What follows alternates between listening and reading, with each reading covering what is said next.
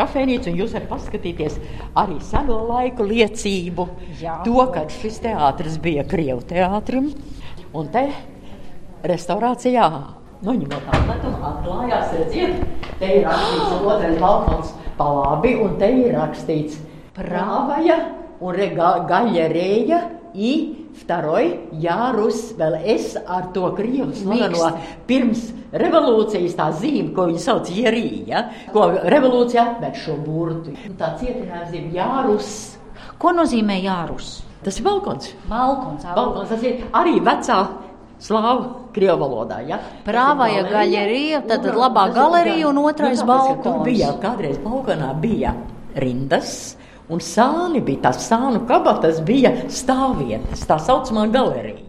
Ēkā, kur redzami šie uzraksti, 1918. gada 18. novembrī uz skatuves līdz pulksten vieniem notiek mēģinājums, un tad lielā steigā pāris stundu laikā tiek izdekorēta skatuve, uz kuras pasludina Latvijas republiku. Par Nacionālā teātra ēkas būvēšanu un namu laika gaitā stāstīs teātra vēsturniece Rita Melnace. Kopā ar viņu ielūkosimies nama pagrabos, darbnīcās un zālēs.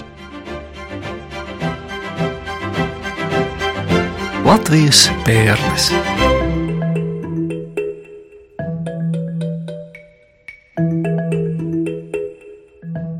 Esam pašā greznākajā telpā, Baltajā zālē, kur skatot uz ēkas interjeru, vislabāk var saredzēt barokālos elementus.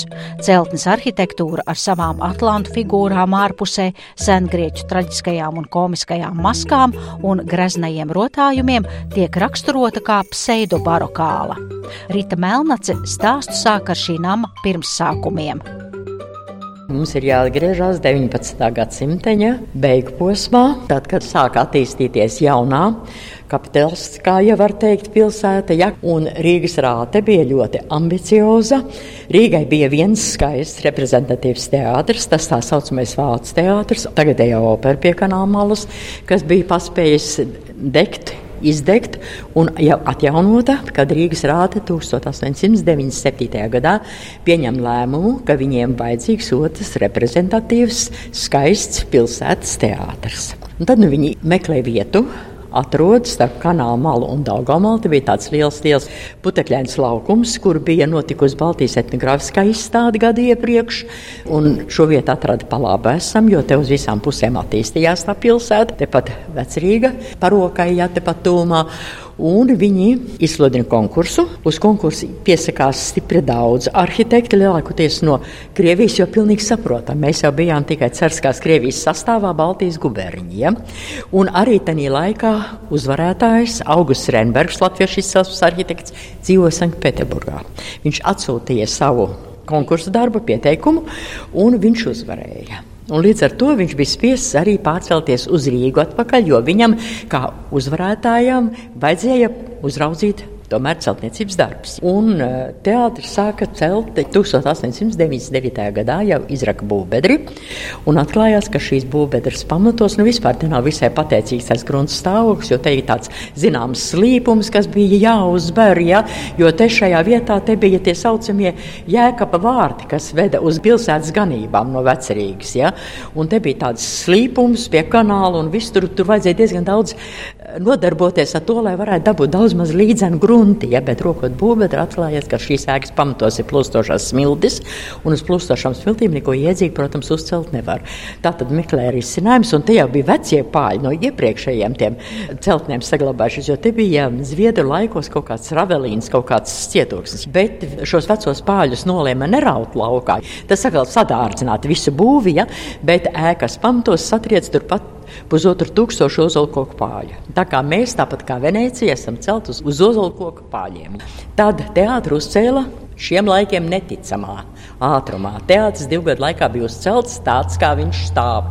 Ar visiem stukarotājiem šeit, šeit, Baltajā zālē, ar titāniem ārpusē. Nu, teātris tāds, kā jūs visi viņu pazīstat, 1901. gadā tika uzcelts un apliecinājums tam ir virs skatuves portāla 1901 pilsētas ģērbonis un 1901. Bet tā kā pēc tā laika normatīviem vajadzēja ēkai nostāvēties, lai atklātu celtniecības kļūdas. Un Viņu vajadzēja iekārtot šo teātru, protams. Tad teātris atklāja tikai 1902. gadā. Teātris savam laikam bija ārkārtīgi moderns. Padomājiet, 1902. gads. Šajā teātrī nekad nav bijis krāsnes apkurs. Teātris jau no pirmās dienas izmantoja karstā ūdens padevas radiators. Tātad šajā teātrī nekad nav bijis ne sveču, ne gāzes, nekāds cits petrolējs vai kāds apgaismojums šajā teātrī. No pirmās dienas bija elektriskais apgaismojums, un ir pat saglabājušās avīzēs raksts, ka teātris viss ir mirdzējis un laisties ugunīs. Tur ir uzskaitīts, cik elektrisko lampiņu ir zālē, cik uz skatuves, cik ir prožektorus. Ir speciāls uzskaitījums. Kā varam lasīt Nacionālā teātra interneta mājaslapā, tad ēkā bija četri kroņlukturi, 428 lampas ēkas iekšpusē, bet īpaši smalki tiem laikiem bija izgaismota skatuves daļa. Tur bija teju 3000 baltas, ap 200 sarkanas un tikpat zaļas lampas, kā arī divas stūra lampas efektiem. Priekškaru izgatavoja Rīgas rūpnīcā Mantels, un tas kalpoja līdz pat teātra rekonstrukcijai 21. gadsimta sākumā bet jauno teātra ēku atklāja 1902. gada 14. septembrī ar Ostrovska pasaku lūgu Sniegbaltīte. Kāpēc tāds autors izvēlēts? Tāpēc, ka atkal kam vairāk naudas, tas šo teātru var noīrēt. Rīgas latviešu biedrības teātris atrodas, kā mēs zinām, pie Vērnas parka. Tur spēlēja latviešu aktieri. Latviešu aktieri ļoti daudz spēlēja provinces nelielos teātrīšos, Latvijas nomalēs. Ja? Latviešu aktieriem nebija tik daudz naudas. Šo teātru noīrēja ļoti ievērojams entreprenieris. Konstantīns Jezlovičs noīrēja šo teātru, un šis teātris līdz Pirmam pasaules karam ir vispār šajā teātrī strādāja ļoti labi krievu aktieri. Tad, kad Rīgai nāca virsū fronte, Pirmā pasaules kara laikā, tad šī trupa vienkārši evakuējās tāpat kā visi lielie rūpniecības uzņēmumi uz austrumiem, un tad šis teātris tika izīrēts dažādiem teātros kolektīviem, dažādiem sarīkojumiem, tad nu, mēs pienākam pie tā ļoti nozīmīgā 1918. gada 18. novembra datuma, kad no šī teātras skatuves tika proklamēta neatkarīgā Latvijas republika. Dienu pirms šī svinīgā notikuma jaunievēlētā tautas padome meklēja vietu, kur šo faktu paziņot. Ir izvēlētas divas ēkas. Viena no tām ir Rīgas pils, bet tur nav pietiekoši daudz vietas, un tāpēc priekšroka tiek dota toreizējam Rīgas pilsētas otrajam teātrim. Šajā laikā šo teātri īrēja Latviju opera. Tā no kuras vēlāk izveidojās Nacionālā opera. Bet tajā dienā, 18. novembrī, līdz pulkstenis vieniem uz skatuves mēģina Latvijas opera. Un teātris ir teātris, un nevienu minūti viņi ātrāk nebeigs mēģinājumu.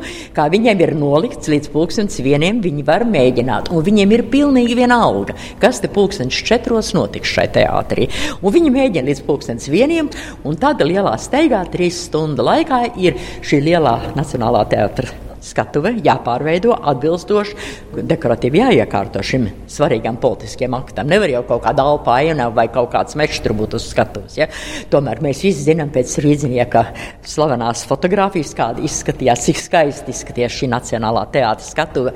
Tā ir trakajos frontes, nabago apstākļos, ja? ar šiem sarkanbalts sarkanajām karogiem ar šiem lauru kokiem, jo vispār ir saglabājušās atmiņas, ka vēl pusčetros sāka laist publiku uz ielūgumiem skatītāju zālē. Bet vēl skatuves noformējums nebija pabeigts. Vēl skrēja skatuves strādnieki ar lauru kokiem, vēl kaut ko centās piestiprināt, centās sakārtot visu, lai pulksteņš četros vērtos priekškars un uz skatuves nāktu šī jaunā tautas padome un paziņotu visai Latvijai, visai pasaulē, ka Latvija būs neatkarīga valsts.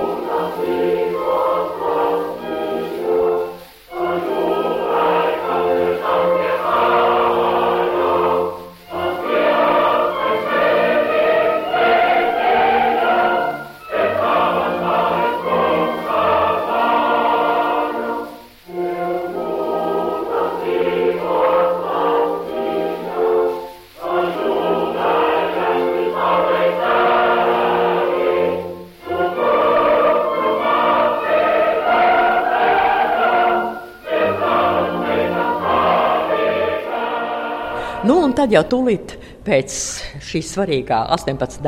novembra akta nepagāja necik ilgs laiks, pusotra mēneša, kad šo teātri atdeva latviešu aktieriem. Ienāca gan Latvijā sarkanā armija un ar sarkanos stučkas valdību, kas šeit piecus mēnešus bija. Bet eh, tā kā šīs valdības mākslas lietu departamenta direktors bija Andrejs Upīts, mums visiem zināmais vēlākais tautas rakstnieks, ļoti kreisi orientēts cilvēks. Viņš parakstīja dekrētu par šī teātra radošanu latviešu aktieriem. Un tā kā frontes bija vaļā no Pēterburgas, no Maskavas, kur latviešu aktieri bija devušies evakuācijā, frontē nākot Rīgai virsū. Tagad eh, robeža bija vaļā, viņi visi varēja atgriezties Latvijā. Un 23. februārī vērās priekškars. Toreiz gan tas teātris saucās Pirmais strādnieku teātris, jo viņš bija kreisi orientēts cilvēks, Andrēs Upīts. Bet faktiski tad, kad otrais vērās priekškars teātrim ar nosaukumu Nacionālais teātris, tā bija tā pati trupa. Tie paši aktieri, tas pats viss materiālais nodrošinājums. Tas notika 3. novembrī. Tā kā mēs parasti savā teātrī smējamies, ka mums dzimšanas diena ir 23. februārī, bet vārda došana mums ir 30. novembrī, jo vērās priekškars teātrim ar nosaukumu Nacionālais teātris. Un šo nosaukumu bija noskatījis Jānis Akurāters, otrs ievērams latviešu rakstnieks, atrodoties trimdā pēc 1905. gada revolūcijas toreizē Kristiānijā Oslo, kur jau bija nodibinājies Norvēģijas Nacionālais teātris. Viņam ļoti patīk šī ideja teātris kā visa nacionālā kopējas un tālāk attīstītājs. Tātad teātrim ir bijuši, kā jūs teicāt, dzimšanas un vārda dienas. Jā. Pirmā luga bija Ostrovskas sniegbaltīte, bet ja mēs runājam par to laiku, kad te Andrejs Upīts saimniekoja. 23. Februārī te gan jāpiemina, ka priekškars vērās atklāšanas izrādē ne šajā teātrī, bet operas teātrī, jo tas teātris ir lielāks ar trīs balkoniem. Interese bija tik ārkārtīgi liela par jaundibināto latviešu teātri, kāda. Tad 23. februārī vērās priekškars Leona Paigles Lūgas augšām celšanās pirmsrādē. Un tad otrā dienā jau atkal viss atgriezās šajās telpās. Un tas šeit sākās darbs, nostrādāja līdz maija vidum, kad sarkanā armija atkāpās, un tad viss bija kara darbība. Un 30. novembrī, kad vērās priekškars jau teātrim ar nosaukumu Nacionālais teātris, tad uz skatuves tika spēlēta mums visiem mīļā, dārgā Rudolfa Blaumeņa Luga ugunī. Laika gaitā teātris nereizi vien ir mainījis savu nosaukumu. Bijis gan drāmas, gan dramatiskais, gan akadēmiskais drāmas teātris. Līdz 1988. gadā tas atkal atgūst savu vēsturisko nosaukumu Nacionālais teātris.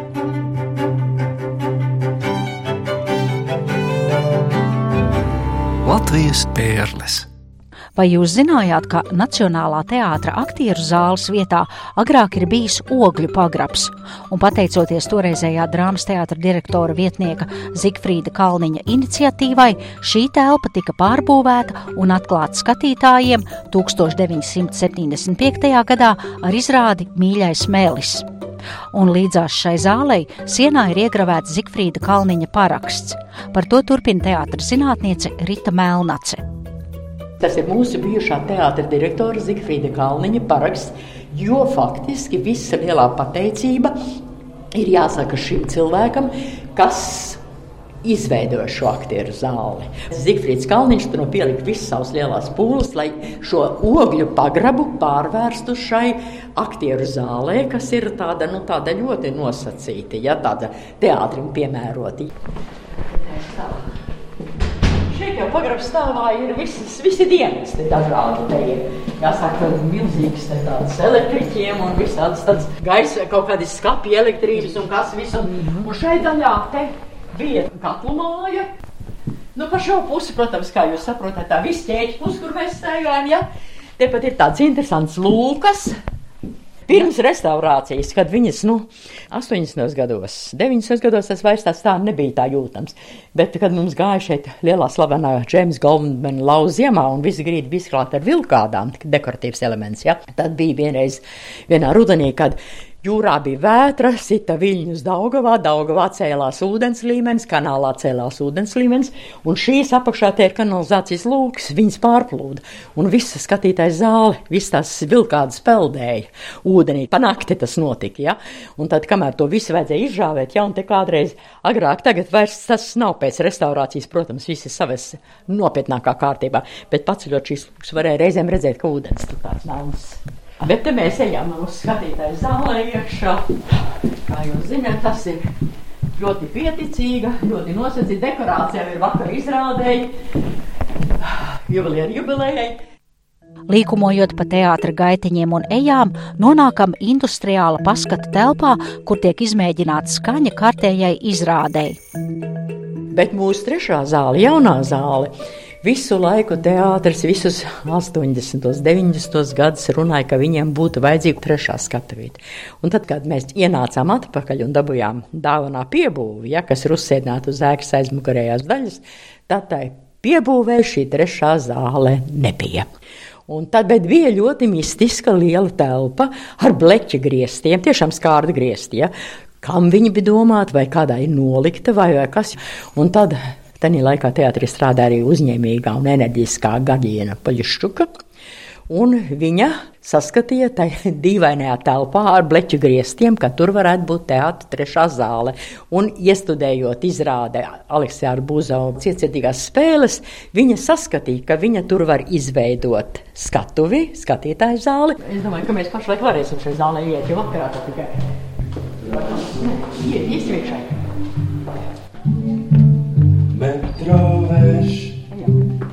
smago gaisu. Nu, redziet, tā ir tā mūsu trešā jaunā zāle ar tiem bleķa griestiem, skārda. Protams, kas ir teātris, ja? spēles laukums, skatītāju vietas un tehnika. Gaismas iekārtas, skaņu iekārtas, nu te viss ir, ja? Te Te var teikt, tās iekšas ir redzamas, jā, ļoti industriāli vīdi. Arī tāpat kā mums lejā ir tā romantiskāk tā aktiera, tā vecā ogļu pagraba telpa, ja? Aktieru zāle, bet šī ir tāda, nu, bet te arī spēles laukums, kuri režisors iecer uz scenogrāfiju. Ja? Te jau arī nekādas dižas dekorācijas nevar uzbūvēt, bet viss jau notiek mūsu galvā. Ja?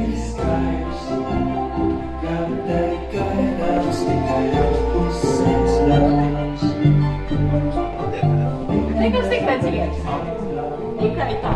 Un tagad iesim atkal vecajā ēkā atpakaļ caur aizmugurējās, aizvien aizmugurējo logu. Tur mums ir cehi, un te mums ir galvniecība un tā saucamā malderu zāle. Mēs esam, pagaid, te ir jumts, ja? Mēs, mēs, jā, mēs esam virs, bet mēs vēl neesam virs skatuves, ja mēs esam, no, skatuves, nu, tos stangu līmenī. Trešais stāvs. Sendienās arī te bija. Jau, jā, šeit, bet šī ir vecā vecā ar visām vecām sijām. Tā ir vecā galdniecība. Un aiz šīm durvīm ir tā saucamā malderu zāle, jo vecos laikos jau ļoti daudz gleznoja. Nu, kaut vai tā bijušajos vecajos Antmanu Diedīša skrudēdienās silmačos, kad pavērās priekškars Jāņa skatam, ka bija tas spērtālu gleznotais prospekts, skatītāji vienmēr aplaudēja, kad bija attiecīgi iegaismots un tas Jāņa vakars. Ja? Nu, redziet, tagad... ir malderu zāle, ja? tas ir Arī ir tās dekorāciju magazīns, jo skatus sākās skatu tikai aiz tās sienas. Ja? Bet šeit ir tā, saka, tā maldezā, kur viss tiek apdarināts. Lai izskatās riktīgi, lai jūs visi varētu apmānīt. Ja? Mums jau redzēt, tie grieztiņi ir tur. Cik viņi ir, ja augsti. Un kāds skatos augstums, tad, ja vienkārši vajadzēja prospektu gleznot, tad te ir skaidrs piemērs, te tikai viens mazs fragmentiņš, ja? bet tad izstiep to lielo audeklu pa visu grīdu un no augšas gleznoja pa kvadrātiem visu to ko mākslinieks bija iecerējis aizmugures prospektu. 2003. gadā skatuvei tiek mainīti dēļi, un darbinieks saņem katrs gabaliņu skatuves dēļa fragmenta. Restaurācijas darbu ietvaros tiek pilnīgi pārbūvēta skatuves augšējā un zemskatuves mašinērija un mainīts orķestra bedres funkcionālās iespējas. Šobrīd teātra lielajā zālē iebūvētā skatuves ripa var darboties vairākos veidos - gan grimt lejā, gan celties uz augšu, gan arī atrasties slīpumā. Arī pagājušā gadsimta 30. gados parastā skatuves ripa tiem laikiem skaitījās liels tehniskais sasniegums. Bet skatu jau bija ļoti primitīva gadsimta sākumā, ja, jo tāda scenogrāfija kā māksla jau nebija, neeksistēja.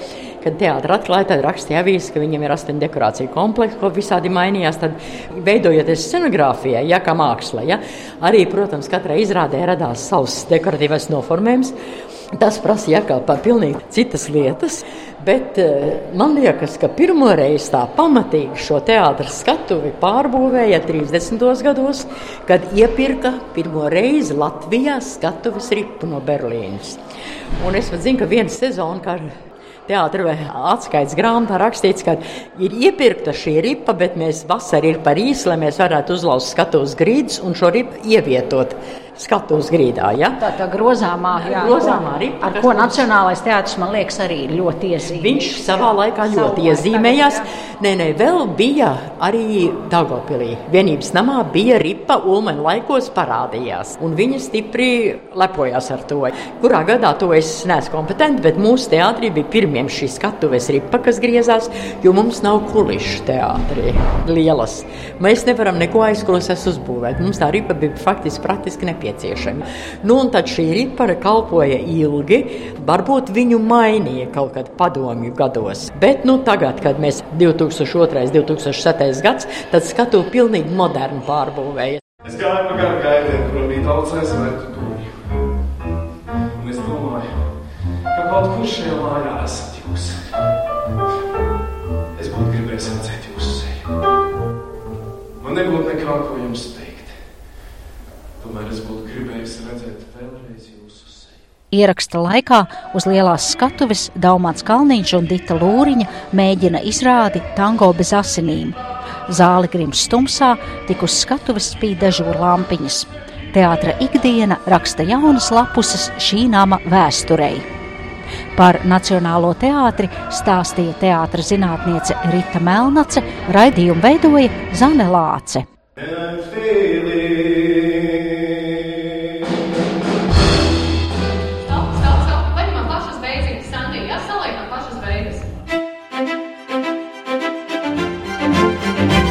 três perlas.